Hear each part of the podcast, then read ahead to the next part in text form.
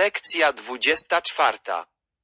AI で漫画、ブラックジャックの新しい話を作る。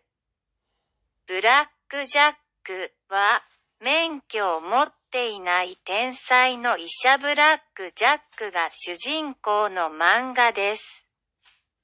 亡くなった手塚治虫さんがこの漫画を描き始めてから、今年で50年です。手塚治虫さんの長男のシンさんなどが慶応義塾大学で AI を使ってブラックジャックの新しい話を作るプロジェクトを発表しました。新しい漫画は人と AI が協力して作ります。人がブラックジャックの話やテーマなどを教えて AI が大体の話を作ります。キャラクターの顔などは絵を描く AI を使います。この AI は他の手塚さんの漫画の絵も勉強しています。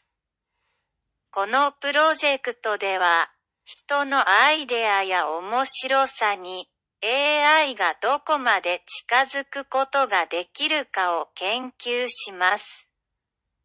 手塚プロダクションによると AI で作った新しい話は今年の秋に漫画雑誌に出る予定です。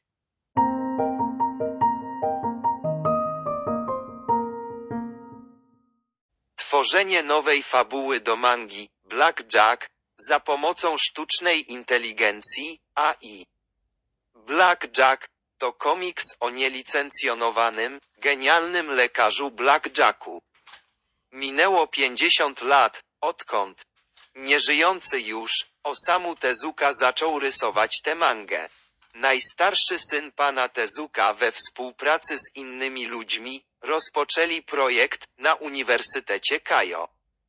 Mający na celu stworzenie nowej fabuły dla Blackjacka przy użyciu sztucznej inteligencji. Nowa manga powstanie dzięki współpracy ludzi i sztucznej inteligencji. Osoba opowiada historię, której bohaterem jest Blackjack, a sztuczna inteligencja tworzy ogólną fabułę. W przypadku takich szczegółów, jak twarz postaci, zostanie użyta sztuczna inteligencja, która będzie rysować jej wizerunek. Sztuczna inteligencja będzie przetwarzać również rysunki innych komiksów pana Tezuka. Za pomocą tego projektu będzie można również zbadać, jak bardzo sztuczna inteligencja może zbliżyć się do ludzkich idei i pomysłów. Według Tezuka Productions nowy komiks, stworzony przy użyciu sztucznej inteligencji, zostanie opublikowany w magazynie manga jesienią tego roku.